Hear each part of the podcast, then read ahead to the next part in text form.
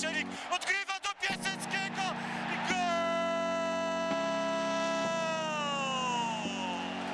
Wtorkowy poranek, 41 odcinek podcastu Tylko Śląsk na stronie śląsk.com. Karol Dugajski, dzień dobry. Dziś porozmawiamy o tym, co wydarzyło się w sobotnim meczu Śląska Wrocław w Bielsku Białej. Jest o czym rozmawiać, bo wreszcie mamy wyjazdowe przełamanie. Piłkarze Witesława Lawiczki wygrali na stadionie Beniaminka 2 do 0. Nie tylko wygrali, wreszcie zachowali czyste konto na obcym stadionie. Moimi gośćmi są dziś redaktorzy Śląsknetu Dominik Szpik Witam. i Jakub Luberda.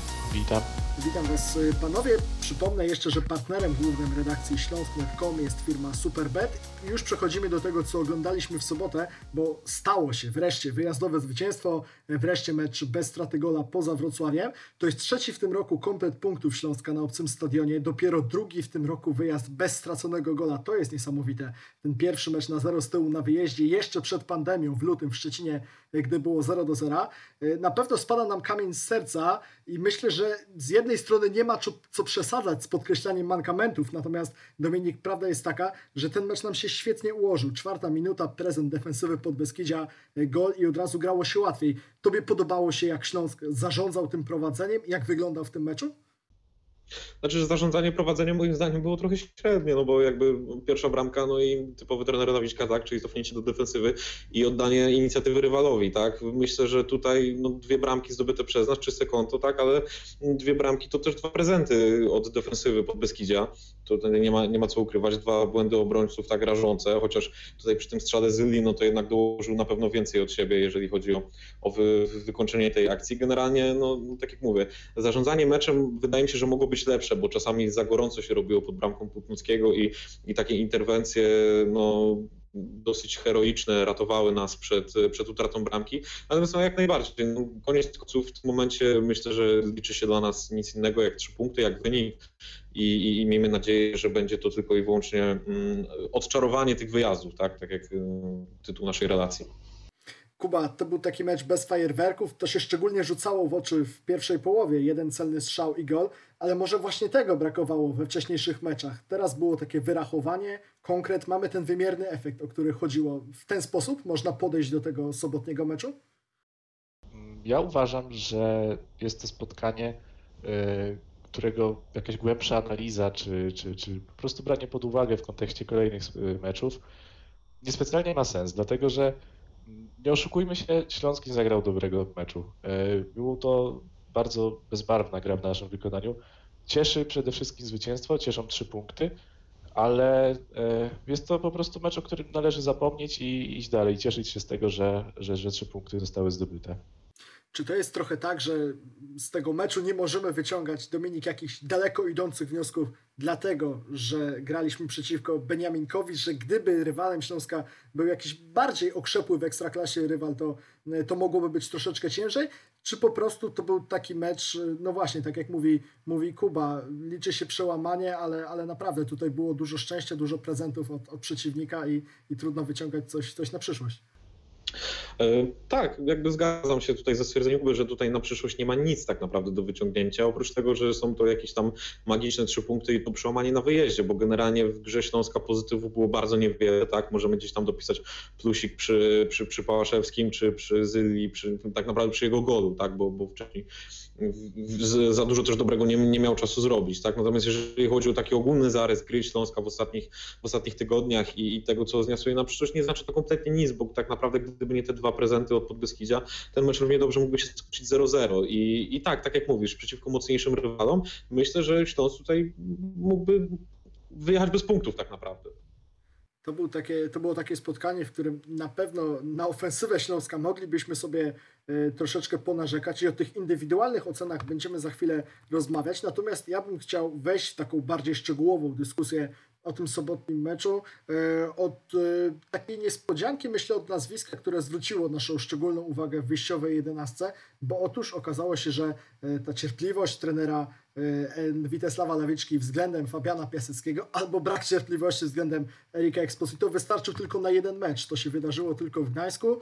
E, Hiszpan wrócił w sobotę do e, wyjściowej jedenastki. I jak należy, Kuba, ocenić ten występ Erika Exposito? On dobrze wszedł w mecz, zanotował asystę, no jakby nie patrzeć, otworzył drogę do bramki Robertowi Pichowi, ale żałujesz, że, że to miejsce dla Piaseckiego okazało się jednorazowym eksperymentem? Mm, Uważam, że y, Fabian Piasecki zasłużył na kolejną szansę, dlatego że e, w spotkaniu z Lechią po prostu bardzo dobrze wyglądał na boisku. E, Ja wspominałem też w poprzednich podcastach, e, mogliście też może, no, można było też przeczytać e, w jednym z taktycznie o tym, że dla mnie Piasecki grający z Praszelikiem e, jest to najlepszy e, duet jakby zawodników grających z przodu, jaki mamy do zaserwowania. I mm, nie uważam, że Exposito y, zasłużył na, na miejsce w pierwszym składzie dzisiaj, lecz nie zmienia to faktu, że no jakby nie patrzeć, otworzył wynik y, spotkania, znaczy wspomógł otwarcie wyniku spotkania y, asystom i za to na pewno trzeba y, mu pogratulować. Ale ja żałuję, że Piasecki nie dostał kolejnej szansy, dlatego że z Lechią wyglądał bardzo obiecująco i chciałbym widzieć go więcej na boisku. Szczególnie grając u boku Praszelika.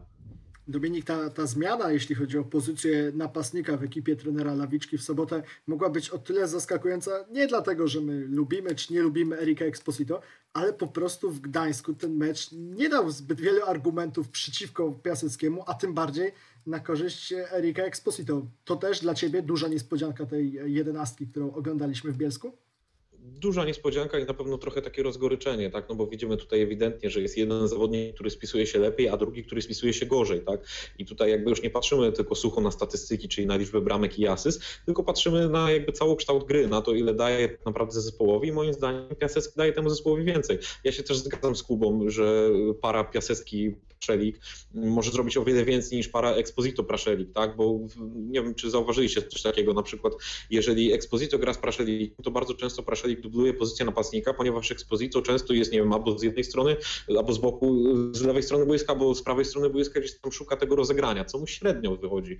Trzeba sobie przyznać, tak? Natomiast jeżeli chodzi o Piaseckiego, to to jest typowy killer, typowy finisher, który jakby szuka swojego miejsca, natomiast tylko w obrębie pola karnego, tak?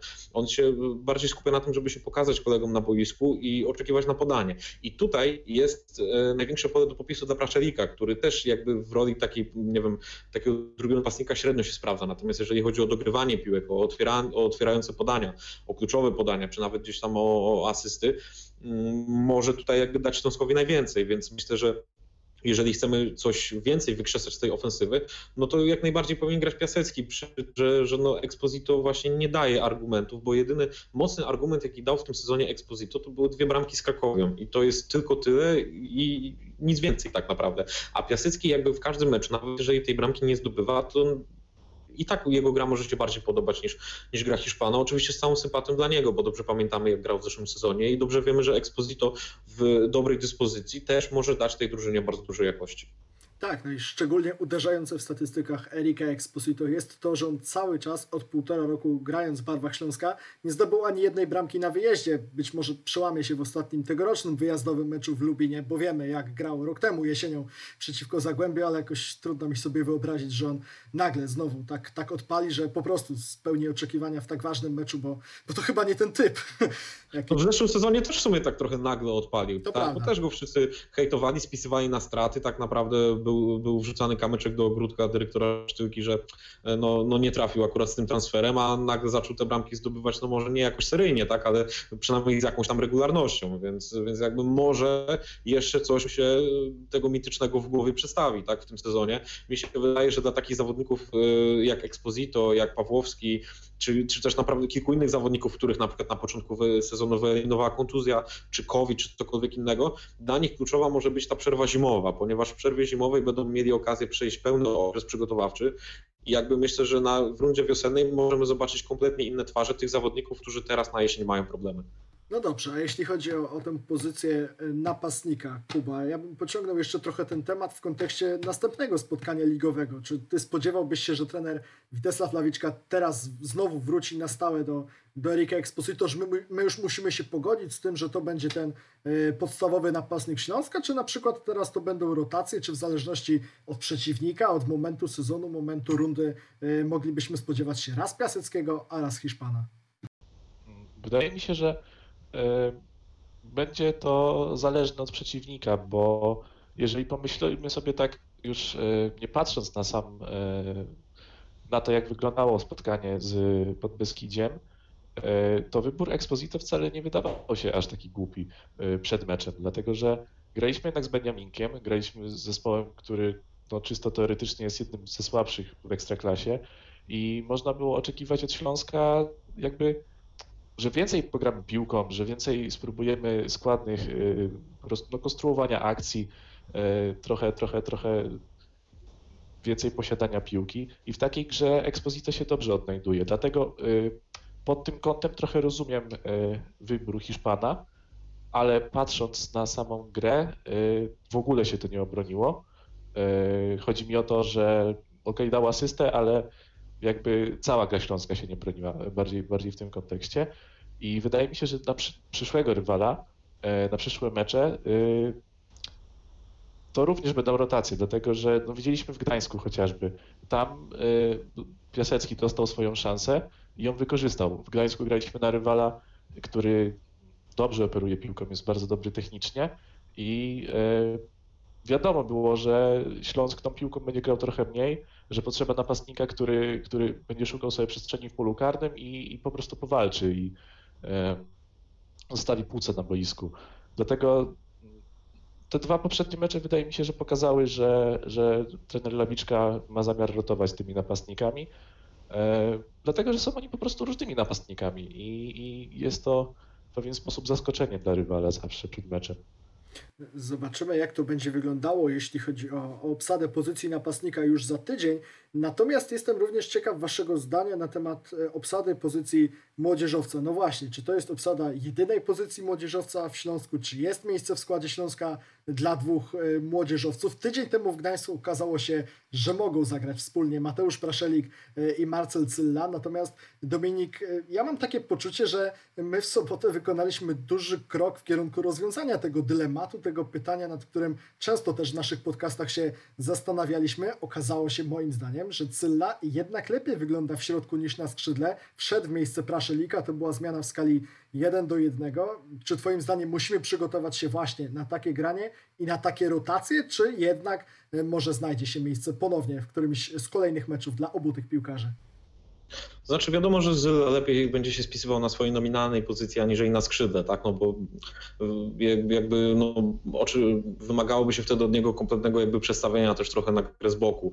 Mi się w, w tym meczu z Lechią podobał, jak grał właśnie na skrzydle, natomiast faktycznie miał jakby w sobie taki zaciągnięty hamulec ręczny. Natomiast to, co mi się podoba w ogóle w tym zawodniku, to jest ta jego, to jego kreatywne zejście do środka i tam jakby szukanie sobie nie tyle nawet okazji do podania, co bezpośrednio okazji do strzału, co kilka razy zdarzyłem właśnie w tym meczu, e, meczu z Lechią, ale wracając do meczu z Podbeskidziem, no mi się wydaje, że, że, że tutaj trzeba postawić na taką twardą rotację i wydaje mi się, że to też będzie zdrowe dla obu zawodników, zarówno dla Praszelika, jak i dla Zyldi, bo jeżeli tam będzie faktycznie rywalizacja, to będą się nawzajem motywować i takie kwestie charakterologiczne już tutaj nam się odezwą, tak, czyli no, jeden zagra lepiej, drugi gorzej, no to ten drugi będzie chciał, żeby gdzieś tam y, zagrać lepiej w następnym meczu, czy kiedy dostanie następną szansę bo są to zawodnicy bardzo do siebie podobni, żeby nie powiedzieć identyczni względem stylu gry, tak? Mają może inne walory takie indywidualne, tak? Nie wiem, lepsze ułożenie stopy moim zdaniem Mazyla, tak? natomiast lepsze podania otwierające czy kluczowe prezentuje Praszelik, więc y, wydaje mi się, że tak jak w przypadku napastnika będzie to też może czasami nawet zależeć od meczu. Więc jeżeli mówimy o grze dwoma młodzieżowcami, to wydaje mi się, że dla tych dwóch jednocześnie albo nie ma miejsca, albo może być z tym miejscem bardzo ciężko. Natomiast jeżeli byśmy wzięli na przykład, no nie wiem, innego młodzieżowca, tak, yy, i Praszelika albo Izylę, no to jak najbardziej takie miejsce mogłoby się znaleźć, tylko no, że tych, tych innych młodzieżowców na razie w zespole nie widzimy. Tak, to prawda. Cechy charakterologiczne, o których ty powiedziałeś, to też jest myślę bardzo istotne właśnie w tej rywalizacji na linii Praszelik i Cylla, bo tak się składa, może to jest zupełny przypadek, ale tak się składa, że Praszelik jedynego do tej pory gola strzelił po wejściu z ławki w miejsce Cylli, no a Cylla w sobotę po wejściu z ławki w miejsce Praszelika, więc oni doskonale wiedzą, że no, rywalizują o tą samą pozycję. Tak naprawdę nie ma się e, tutaj co oszukiwać. E, Kuba, to są twoim zdaniem tak podobni piłkarze, że nie ma dla nich miejsca w wyjściowej 11, czy jednak w takim twoim wymarzonym ustawieniu Śląska znalazłoby się miejsce i dla Cylli, i dla Praszelika? Ja uważam, że to nie są przede wszystkim podobni piłkarze, mimo że ich nominalna pozycja jest, y, no jest to pozycja numer 10. y, To mm, Zy- Zyla jest zawodnikiem, który bardzo dobrze szuka wolnych przestrzeni na boisku. On, y, jego zmysł taki poruszania się właśnie po, po murawie jest na naprawdę bardzo wysokim poziomie. Mi podoba się y, Zyla grający u boku Exposito, bo kiedy Exposito y, schodzi sobie gdzieś niżej albo szuka, y, próbuje wspomóc drużynę w rozegraniu, to Zyla świetnie uzupełnia te, te puste przestrzenie pozostawiane przez Hiszpana. E, Natomiast Praszeli gra jak typowa dycha e, i on, mm, on ma dobre podanie otwierające, on, on, on ma naprawdę bardzo dobry przegląd pola i jest to coś, czego Zylla nie pokazywał jeszcze w tym sezonie. Mało widzieliśmy kluczowych podań od Zylli. E, Od Zylli dużo więcej widzimy właśnie takiej gry. Dobrze znajduje się w sytuacjach. Praktycznie w każdym spotkaniu, w którym e, brał udział, miał okazję na strzelenie gola i mm, i uważam, że, że są to różni zawodnicy, ale mimo wszystko ich y, tą nominalną pozycją jest dycha, dlatego nie chciałbym widzieć ich obok siebie równocześnie na boisku. Bo wydaje W ogóle tak z, z, z tego, co mówisz, to może tutaj nam się stworzy, e, stworzą takie pary, tak? Czyli Zylla może będzie grał z Exposito, a wtedy Piasecki z Praszelikiem, tak? Który to będzie może oddziaływać na te dwie pozycje lepiej i, i może tak powinien trener Radowiczka pomyśleć. No właśnie, to, to mogłoby być z korzyścią, prawda? Kuba, może to jest opcja. Tak, tak. y, Ja wrócę jeszcze raz do autopromocji i wspomnę o taktycznie, w którym rozważałem właśnie nad pozycją numer 9 i tam e, można przeczytać e, właśnie dywagacje moje na ten temat, gdzie e, no ja podzieliłem to właśnie w taki sposób, że, że, że dla mnie Exposito z Zylą e, jest, jest dobrą parą i tak samo dobrą parą jest Praszelik z Piaseckim. Y, I przekłada się to na boisku. Widzimy to chociażby, no nawet w tym meczu, kiedy Zyla wchodzi e, z ławki rezerwowych i u boku Exposito zdobywa bramkę, przebywając razem z Mina Murawie, właśnie w taki sposób, że znalazł fajnie wolną przestrzeń w polu karnym rywala, no, no, no, no i dobrze wykończył akcję. A mm, no w sumie słucham, bo, W, w, ogóle, w ogóle tak mi się, tak mi się wydaje, że, że jak, jakbyśmy rozszerzyli tą dyskusję i, i na przykład w każdej pozycji poszukali pewnych par, tak, no to jakby w każdej formacji tak znajdziemy, tak, czyli na przykład moim zdaniem Stigles bardzo dobrze współpracuje z Pichem, tak, a my, e, tak jak powiedzieliśmy, Praszelik, Piasecki i Exposito Zylla, tak, w środku obrony mamy e, Puerto Golla, no Goli niestety teraz nie ma, tak, ale to jest ta para, która funkcjonuje ze sobą najlepiej, na prawej e, stronie jeszcze tego tak nie wypracowaliśmy, w środku moim zdaniem dobrze mogliby współpracować Sobota i Pałaszewski, e, natomiast tam też potrzebujemy właśnie takiej pary, która by do sobą współpracowała, bo ta współpraca z Sobota Mączyńskiej się dosyć średnio układa, więc e, no, może to jest tylko i wyłącznie ta kwestia, którą trzeba rozwikłać, czyli dobre doparowanie zawodników przez trenera Lawiczkę i będzie tutaj recepta na sukces.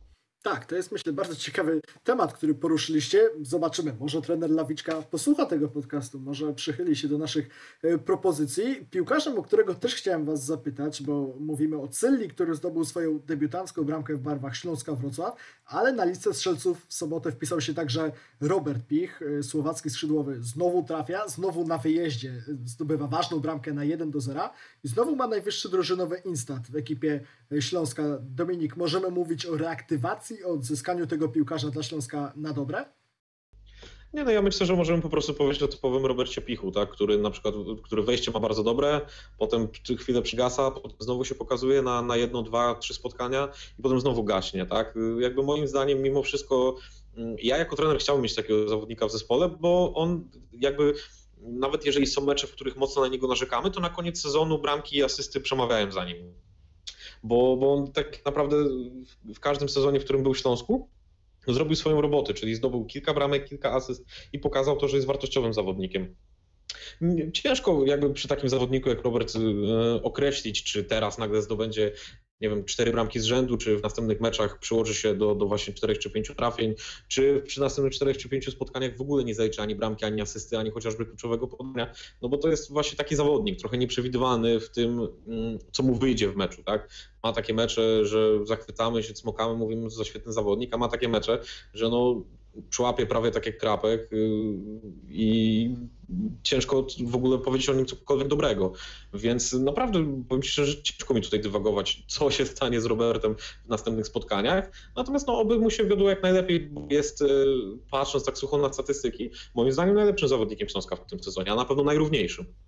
Tak, myślę, że Robert Pich jest takim zawodnikiem, któremu trzeba dać czas, któremu trzeba dać po prostu trochę cierpliwości, nie, nie sadzać go. Zaufanie od trenera. Myślę, że jakby miał takiego trenera, który Y, nie obdarzyłby go zaufaniem, nie wiem, może tak się stało z Kaiserslautem, dlatego ten, y, ta przygoda jego nie wypaliła, to, to, to, ciężko by mu było. Tak? Natomiast tutaj widać, że, że w Śląsku niezmiennie, nieważne kto by był szkoleniowcem Śląska, dostaje to zaufanie i tym zaufaniem y, i za to zaufanie się odpłaca, więc no, naprawdę wolę mieć takiego, takiego picha niż Markowiców, Rajcewiciów i innych. Tak, pamiętamy jak Robert Pich bardzo dobrze wyglądał wiosną w tym okresie po lockdownie. Widać było, że on był chyba tym piłkarzem Śląska, który najbardziej w trakcie, w trakcie pierwszej fali pandemii stęsknił się zagraniem. E, teraz Kuba Robert Pich nawiązuje do tej, do tej formy. Jeszcze nie jest wystarczająco równy, e, o czym mówimy, ale ma takie spotkania, teraz ma taki moment, z którego naprawdę możemy być zadowoleni. Mm, tak, e, Robert Pich znaczy, tutaj ciężko dodać tak naprawdę coś więcej niż to, co powiedział Dominik, dlatego że y, uważam, że wszystko zostało o nim powiedziane. Jest to nierówny zawodnik, ale jest to zawodnik, który oferuje bardzo dużo. Na swojej najlepszej formie jest, jest po prostu wyróżniającym się i, i najlepszym skrzydłowym, jakiego, jakiego mamy w Śląsku. I no tak naprawdę wszystko zależy od niego i trener, trener mu ufa i jeżeli on zachowa swoją dobrą dyspozycję, no to jest to bardzo ważny punkt dla Śląska i na nim powinna opierać się po części nasza gra. Chciałbym też poruszyć temat linii defensywnej po tym sobotnim spotkaniu, bo mówiliśmy już o tym, że Śląskowi wreszcie udało się zachować czyste konto na wyjeździe, a, a naprawdę nie było o to łatwo, nie było e, łatwo o optymizm, nie było łatwo o czyste konto już w trakcie 90 minut, bo e, Kuba posypała się nam ta linia obrony, szczególnie duet stoperów, który jeszcze miesiąc temu wyglądał w 100% inaczej. Wiedzieliśmy już od jakiegoś czasu o kontuzji Wojciecha Golli, natomiast przed spotkaniem informacja o urazie zobaczymy na ile groźnym Izraela Puerto, Śląsk umiał odnaleźć się w tym y, nowym graniu. Z tego akurat możemy być na pewno zadowoleni.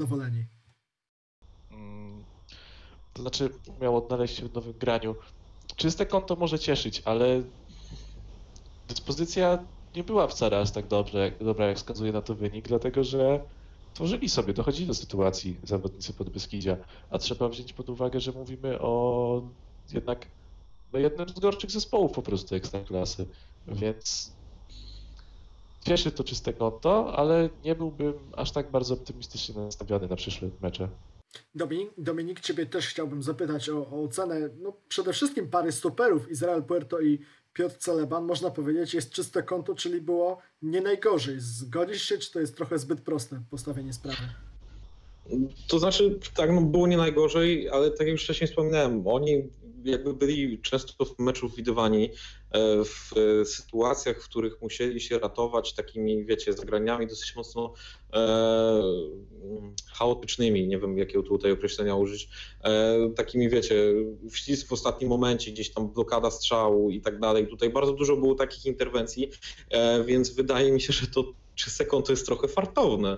Nie, żebym tutaj umniejszał komuś, tak, czy Tamaszowi, czy, czy Celebanowi. Wydaje mi się, że trzeba by ich sprawdzić na mocniejszym rywalu. W ogóle jakby cały, o całym tym meczu mówilibyśmy inaczej, gdyby, gdyby mocny rywal było pod Beskidzie, więc za sam mecz pod Beskidzie możemy powiedzieć, że wykonali swoją robotę bardzo dobrze, tak, no bo jest czyste konto, e, natomiast też Putnowski miał trochę do roboty, więc tutaj jego do tej trójki jakby bym dopisał, jako do tych, którzy się spisali bardzo dobrze i, i którzy są filarem tego sukcesu w postaci czystego konta. Natomiast nie wiem, jakby to wyglądało przeciwko mocniejszemu rywalowi. Dla mnie Piotrek Celeban, jeżeli chodzi o grę w środku obrony, to jest za bardzo e, chaotyczny, właśnie za bardzo taki elektryczny.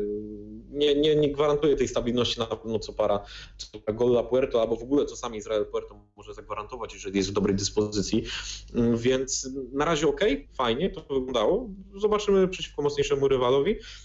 Na następny mecz e, raczej bym tego nie zmieniał, bo to jest taka newralgiczna jakby formacja, gdzie e, za dużo zmian może, e, może spowodować tylko coś złego, więc jak oni na razie zrobili to czyste konto, to spróbowałbym ich jeszcze na jedno spotkanie, bo może faktycznie chcą się urodzić.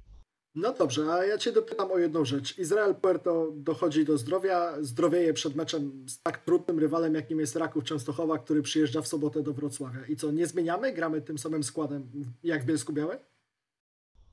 Jeżeli chodzi o formację defensywną, yy, wiesz co, może się trochę zapędziłem z tym, co wcześniej powiedziałem, natomiast wydaje mi się, że, że nie, dobra, okay, to się cofnę trochę. Jeżeli Izrael Puerto faktycznie zdrowieje, yy, tutaj się bije w pierś, to jednak wstawiam go, ale niekoniecznie za Celebana, ale może bym go spróbował za Tamasa wstawić. I wtedy Tamaszowi bym dał odpocząć, bo czasami mi się wydaje, że wszystko co elektryczne w parze Tamas-Puerto zaczyna się od Tamasa. Tak, no i jest coś takiego, że y, na pewno po tym jak wypadł Wojciech Golla, to, to ta obrona posypała się w bardzo szybkim tempie. Ja chciałbym podkreślić też jedną rzecz, nawiązując do poprzedniego podcastu. Tydzień temu z Danielem Żulińskim i Michałem Waszkiewiczem rozbieraliśmy na czynniki pierwsze wypowiedź trenera Lawiczki o tym, że trzecim wyborem na środku obrony w miejsce, czy za plecami Puerto i Tamasa jest Konrad Poprawa. Zastanawialiśmy się, co się stanie, jeśli wypadnie Węgier lub Hiszpan. Okazja, by sprawdzić prawdomówność naszego szkoleniowca nadarzyła się bardzo szybko. Jednak Konrad Poprawa tym trzecim wyborem na środku obrony Śląska nie jest. Grozimy palcem trenerowi Lawiczce. Nie można tak wprowadzać w błąd dziennikarzy Śląsknetu. Zagrał Piotr Celeban. Zobaczymy, jaki będzie pomysł na spotkanie z Rakowem Częstochowa. Natomiast ja chciałbym pozostać też jeszcze przez moment przy temacie defensywy, tylko przesunąć się do innego nazwiska, do nazwiska Patryka Janasika, piłkarza, który zebrał swoje pierwsze minuty w Bielsku Białej w barwach Śląska w Ekstraklasie. Wiemy, że on grał w sierpniu w meczu Pucharu Polski z ŁKS-em, później wyeliminowała go kontuzja. Inaczej miała się układać ta przygoda Janasika ze Śląskiem Wrocław. Natomiast Kuba można powiedzieć, że on wraca w ważnym momencie, bo Piotr Celeban przesunięty na środek, Musonda zostaje na prawym boku bez zastępstwa, w razie czego no, nagle pojawia się Patryk Janasik i, i ten chłopak teraz może po prostu mieć swój czas. Tak, jest to bardzo dobry moment dla niego na powrót do, do składu, dlatego że tak jak wspomniałeś, mamy problemy kadrowe i Janasik jest y, zawodnikiem uniwersalnym, bo wiemy, że, że potrafi zagrać tak po prawej, jak i po lewej stronie defensywy i, i robi to na przyzwoitym poziomie. Trzeba mieć po prostu nadzieję, że, że jak najszybciej wejdzie na te swoje najwyższe obroty i pokaże się z pozytywnej strony. Y, po, po jego debiucie w Ekstraklasie, no tak naprawdę nie możemy za dużo powiedzieć, nie zdążył pokazać się z jakiejś wybitnej strony, nie zdążył też pokazać się ze złej strony, ale cieszy to, że wrócił i, i trzeba mieć nadzieję na jego dobre występy i na to, że będzie to rzeczywiście wzmocnienie kadry. Dominik, gotowy Patryk Janasik to jest zwiastun tego, że musimy zapominać już powoli o, o Musondzie na boku obrony, oswajać się z tym, że jego rywalem do grania jest Pawłowski bliżej bramki rywala, a prawa obrona to, to Patryk Janasik i spodziewać się po prostu tego piłkarza na stałe na prawym boku defensywy? W sensie, czy Janasik, tak? Będzie grał tak, na prawym tak. boku Czy to jest piłkarz, który może już grać w pierwszej jedenastce, czy tak należy o nim myśleć przed Rakowem? Wiesz co, wydaje mi się, że tak. No jeżeli wrócił, jeżeli jest zdrowy, no to zasługuje jak najbardziej. Tak, wiesz, samo wprowadzenie jego w, w tym meczu z Podbeskidziem pokazuje jakby to, że, że on dalej to zaufanie trenera Raczki ma i że po tej kontuzji dalej prezentuje wysoką formę piłkarską, tak? No inaczej pewnie na boisko nie zostałby wpuszczony. Ciężko powiedzieć, czy, czy już do, na, w następnym meczu zobaczymy go od pierwszej minuty, tak? Bo tutaj kwestia jakieś odbudowy fizycznej i tak dalej. No, Janasik ten okres przygotowawczy miał mocno jakby rozwalone, tak? Szczególnie po tym, jak, jak, dostał jak doznał kontuzji po pierwszym meczu. Natomiast tak, w dłuższej perspektywie jakby ja go widzę jako nominalnego prawego obrońcę, bo jest jedynym nominalnym prawym obrońcą w tym momencie i no, to trochę brzmi niewdzięcznie, bo bazujemy na razie na jego formie w jednym meczu, w którym zagrał na nie swojej pozycji, czyli na, na, na lewej stronie, na lewej obronie, natomiast wyglądał tam bardzo przyzwoicie. I, I miejmy nadzieję, że w końcu będziemy mieli na tej prawej stronie kogoś, kim miał być chociażby Guillermo Coutinho po tym, jak przyszedł do Śląska, czyli prawowitym, nominalnym, środkowym obrońcą, e, nie tylko od defensywy, bo wydaje mi się, że Piotrek Seleman akurat w tym wypadku lepiej się sprawdza w defensywie niż w ofensywie, ale właśnie taki, kogoś takiego jak Stigles po prostu na lewej stronie. Jak chcę kogoś w formie Stiglesa, z jego umiejętnościami, z jego formą piłkarską, tylko po drugiej stronie. Jeżeli to będziemy mieli, no to jak sami panowie dobrze wiecie, we współczesnym futbolu te boki obrony są naprawdę bardzo istotne. Więc jeżeli Śląsk będzie miał te boki obrony na, w, w dobrej formie, to wydaje mi się, że, te, że jakby i problemy skrzydłowych się rozwiążą, i problemy ofensywy się rozwiążą i to wszystko może naprawdę pójść do przodu. No i ciekawe, jak wtedy będzie wyglądała rywalizacja Musondy z Pawłowskim o, o miejsce na skrzydle, natomiast to jest pewnie temat e, na trochę dłuższą dyskusję. Ja chciałem też z Wami porozmawiać o pewnej wypowiedzi, pomeczowej wypowiedzi Roberta Picha w Kanal Plus, który podkreślił, że e, problemem, który zresztą piłkarze ofensywni sygnalizują trenerowi Lawicce, jest niskie, zaskakująco niskie posiadanie piłki. Coś, co sprawia, że owszem, też można wygrać, co pokazał Śląsk Kuba w Bielsku Białej, natomiast to będzie po prostu trudniejsze, a i życie piłkarzy ofensywnych w takiej drużynie nie będzie łatwe. Śląsk w sobotę 38% czasu gry przy piłce, średnia przed tą kolejką według Ekstrastat 43%, czyli najniższa w lidze. Czy to jest coś dla Ciebie niepokojącego, coś, co można potraktować jako przyczynę tej, no może nie masy kłopotów, ale na pewno niewielkiej liczby groźnych akcji ofensywnych Śląska? To znaczy tak, dla mnie samo posiadanie piłki dla posiadania piłki to nie, nie, nie ma większego sensu. Problem jest według mnie bardziej w tym, że Śląsk mając tą piłkę i tak ma duże problemy, żeby coś z nią zrobić, bo, bo nawet mając piłkę przez te powiedzmy 40% czasu gry, można wykreować bardzo dużo okazji, a, a w Śląsku leży właśnie to kreowanie tych, tych sytuacji. Zawodzi moim zdaniem przede wszystkim środek pola. W poprzednich meczach widzieliśmy duet Moczyński-Sobota, który wyglądał z meczu na mecz, szczerze mówiąc, moim zdaniem coraz gorzej. Teraz Pałaszewski jest trochę takim świeżym powiewem. Wydaje mi się, że za późno dostał swoją szansę, bo on już w meczu z Jagiellonią zaprezentował się bardzo dobrze i ja szczerze mówiąc liczyłem na to, że, że dużo szybciej wejdzie do pierwszej jednostki. Widzę trochę taki, taki ratunek, kogoś takiego, kto będzie w stanie jakby złączyć będzie w stanie grać między liniami po prostu defensywy i pomocy i będzie w stanie pomóc konstruować te ataki. Jeżeli chodzi o samo posiadanie, to tak jak wspomniałem, no nie, nie uważam, że, że granie po posiadaniu piłki, myślę, że teraz odchodzi się od tego we współczesnym futbolu. Teraz chodzi o, o szybkie przemieszczenie, o szybki odbiór, o agresywny odbiór, granie pressingiem i o szybkie przemieszczenie piłki pod bramkę rywala i konstruowanie szybkich akcji. Dominik, czy Robert Pich w takim razie troszeczkę przesadza? Czy to jest coś, na co teraz muszą zwrócić w tym tygodniu uwagę wrocławianie, nad czym trzeba popracować? Wiesz co, i trochę przesadza, i trochę nie przesadza, bo jeden do jeden zgadzam się z wypowiedzią Kuby w tym wypadku, tak? Przede wszystkim samo posiadanie piłki do samego posiadania jest bez sensu, tak? Jeżeli Robert twierdzi, że oni za rzadko utrzymują się przy piłce, no to niech weźmie, krzyknie do jednego chłopaka, niech wyjdą trochę wyżej, niech tą piłkę wezmą i pokażą, że potrafią z nią coś zrobić, bo nawet jeżeli zdarzały się mecze, gdzie czas miał większe posiadanie piłki, no to z tą piłką nie potrafią za bardzo nic zrobić, a takie klepanie do samego klepania, no to jakby niczego nam nie przyniesie, tak? Bo w tej kreacji jesteśmy niestety biedni. Mi co się nie podoba, to, to właśnie to, o czym też Kuba wspomniał, że u nas brakuje tego agresywnego dojścia, agresywnego pressingu, tak? U nas jest pyk, pierwsza brama i jest cofka, nie? No to jest ten typowy, to jest taka wizytówka trenera Lawicki, o której wiemy, odkąd tak naprawdę on został zatrudniony do Śląska, bo jak się czytało jakiekolwiek artykuły o tym, jakim on jest trenerem, jaki styl preferuje i tak dalej, to za każdym razem było wspominane, że jego drużyny nie grają atrakcyjnego futbolu, że on buduje drużynę od tyłu, że defensywa, że cofka, że jedna bramka i, i tak naprawdę i do domu i tak dalej, i tak dalej. I to irytuje, że widzimy, że ten styl trenera niestety no nie sprawdza się. I trener Wiśka, jak doświadczony kolanowiec, powinien coś w tym stylu zmienić. Tak? Czyli nie, że w pierwszej bramce my idziemy do niskiego pressingu, ale chociaż utrzymajmy ten średni. Tak? Czyli nie dajmy tym rywalom grać tego, co oni sobie chcą i nie wybijajmy tej, tej piłki tak naprawdę spod bramki, tylko może zduśmy tę akcję w zarodku. Tak? Może właśnie opanujmy bardziej ten środek pola. Też się zgadzam, że tutaj Pałaszewski będzie pewnym rozwiązaniem tego problemu, bo para Mączyński sobota, no to no wiecie, no panowie z całym szacunkiem i dla, dla obu piłkarzy, ale to trochę para emerytów, tak? No jakby Mącznicki z meczu na mecz w ogóle no to coraz gorzej. Tak ja tutaj bym się zastanowił w ogóle, czy, czy z zawodnikiem przedłużać kontrakt na razie, tak? Z całym szacunkiem oczywiście, bo też zrobił bardzo dużo dla tego klubu i, i jakby w zeszłym sezonie pokazywał naprawdę bardzo dobrą formę, tak? Natomiast na razie wydaje mi się, że obserwujemy zmierzch tego piłkarza.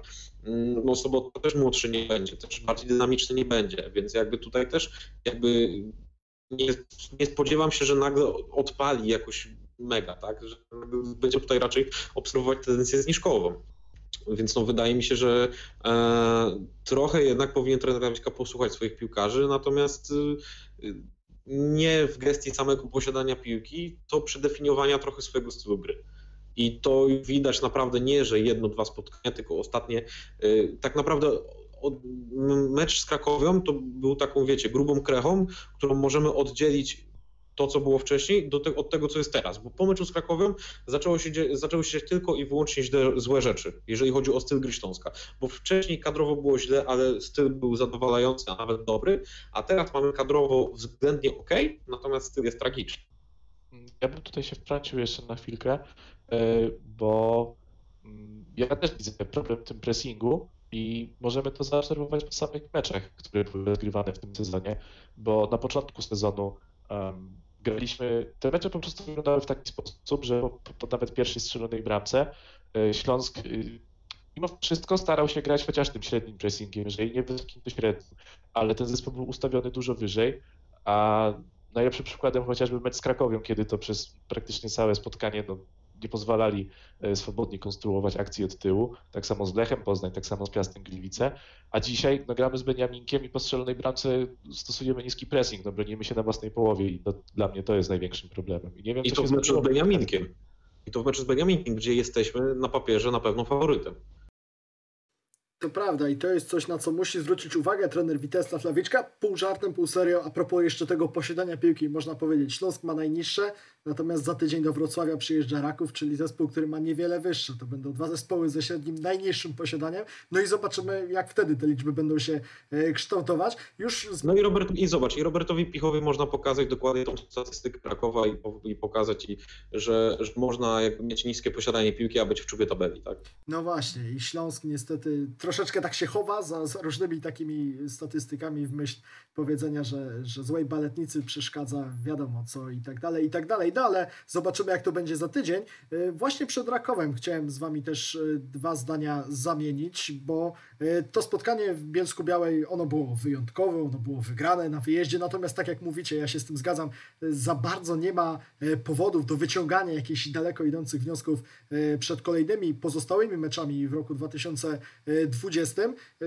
Dominik, czego dowiedzieliśmy się o Śląsku? Czy dowiedzieliśmy się czegoś takiego o Śląsku e, w tym sobotnim meczu, że umie być konkretny, wyrachowany, kiedy trzeba? Czy to są takie wnioski, które przed meczem e, z drużyną z Częstochowym mogą być do podkreślenia? Nie, wydaje mi się, że w meczu z Podbeskidziem nie dowiedzieliśmy się zupełnie nic o tej drużynie. To znaczy, no, e, wydaje mi się, że z meczu na mecz mamy coraz bardziej uwypuklone te mankamenty, które mamy i coraz bardziej naocznie możemy zobaczyć, co u nas nie funkcjonuje. Że jakby tych plusów to, to widać bardzo mało, ile nie powiedzieć, że nie widać ich wcale, natomiast coraz bardziej dobitnie e, każdy kibic może zobaczyć, co z tą drużyną jest nie tak i co należy zmienić. Co tym bardziej dziwne, że trener Nawiczka czasami wydaje mi się, że nie widzi, co trzeba zmienić, albo nie wiem, nie chce dostrzec tego, co trzeba zmienić, za bardzo się przyzwyczaja do utartych schematów, tak. W, w ogóle boję się tego meczu z Rakowem, bo jakby, no tak jak wspomniałeś, tak, Raków też za bardzo piłką nie gra i raczej oddaje inicjatywę, no to jakby wyobraźmy sobie analogiczną sytuację w meczu Śląska z Rakowem, kiedy to Raków pierwszy strzela bramkę, oddaje Śląskowi piłkę. No ja jestem bardzo ciekaw, chciałbym zobaczyć, co Śląsk potrafi z tą piłką zrobić, bo mi się wydaje, że bardzo niewiele, tak. Więc jakby no, przed tym mecz, ten mecz z Podbeskidziem no, dał kibicom na pewno radość z trzech punktów i Śląskowi trochę spokój w tabeli, no bo gdzieś tam e, awans e, o kilka mm, szczebli wyżej zawsze, zawsze jest w porządku, tak, i gdzieś tam jakaś bezpieczna odległość od tych dolnych regionów tabeli. Mm, Natomiast myślę, że dał też bardzo dużo sztabowi szkoleniowemu do, do przemyśleń, tak. No, zresztą każdy kolejny mecz ostatnio daje coraz więcej sztabowi do przemyśleń, tak. Tak, my się dowiadujemy o tym Śląsku coraz więcej i to czasami takich rzeczy, o których byśmy nawet nie chcieli się czasem dowiadywać, albo które nas bardzo zaskakują. E, Kuba, ty kilka razy dzisiaj już tutaj przeprowadzałeś autopromocję, odnosiłeś się do, do swoich analiz taktycznie i ja właśnie do jednej z takich analiz, e, które co tydzień na naszej stronie można przeczytać, chciałbym nawiązać, bo już kilka tygodni temu jeden ze swoich artykułów zatytułowałeś Dlaczego Śląsk nie wygra z Rakowem? Wypunktowałeś mankamenty, w które w grze Śląska uwypuklali już wcześniejsi rywale, rywale słabsi niż plasujący się e, w czubie tabeli Raków. Coś się zmieniło od tego czasu? Czy pewne zadania domowe, e, które wtedy e, pokazałeś trenerowi Lawiczce, zostały odrobione? Szczerze mówiąc, y, ciężko odpowiedzieć mi na to pytanie, bo mam wrażenie, że, że w Śląsku nie zmieniło się zupełnie nic, ale z drugiej strony ten mecz pod Beskindiem zostawia, mimo że to był mecz z Beniaminkiem, to, to jednak to 2-0 na wyjeździe e, zostawia taką, taką trochę nadzieję, że tak powiem, na, na to, że, że mecz z Rakowem może wyglądać podobnie, że, że może właśnie to wyrachowanie, że może to właśnie doświadczenie zespołu e, w jakiś sposób pomoże nam urwać e, punkty, ale i tak uważam, że Raków jest zdecydowanym faworytem i że punkt będzie sukcesem w tym meczu. Musimy wierzyć w to, że Śląsk będzie wyglądał dobrze, albo przynajmniej lepiej niż w wielu meczach wyjazdowych, bo, bo po prostu będzie grał na własnym stadionie, a, a to jest jego największa siła nie tylko w tym sezonie, ale już od jakiegoś czasu. Najbliższe spotkanie Śląska w sobotę o 17.30 we Wrocławiu, potyczka z Rakowem Częstochowa, zespołem, z którym jeszcze nie wygraliśmy od jego ubiegłorocznego awansu do Ekstraklasy. To też o czymś świadczy. Wtedy była porażka w Bełchatowie, yy, był remis we Wrocławiu w pierwszym meczu po lockdownie. Do tego meczu z Rakowem Śląsk będzie przystępował po zwycięstwie, po wygranej na wyjeździe. Tak, tak, to nie pomyłka. Śląsk wygrał w Bielsku Białej z Podbeskidziem 2 do 0, a ten mecz był tematem przewodnim 41 odcinka podcastu Tylko Śląsk, w którym moimi gośćmi byli redaktorzy Śląsknet Dominik Szpik Kłaniam się, do widzenia. i Kuba Luberda. Do widzenia. Dziękuję Wam panowie i dziękuję Państwu za uwagę. Karol Długajski, kłaniam się i zapraszam oczywiście do odwiedzania portalu śląsknet.com. Naszego podcastu możecie słuchać na YouTubie, Spotify'u i SoundCloudzie. Kolejny odcinek już następny wtorek, tradycyjnie, punktualnie o godzinie 7 rano. Dziękujemy za dziś, dobrego dnia. Hej Śląsk!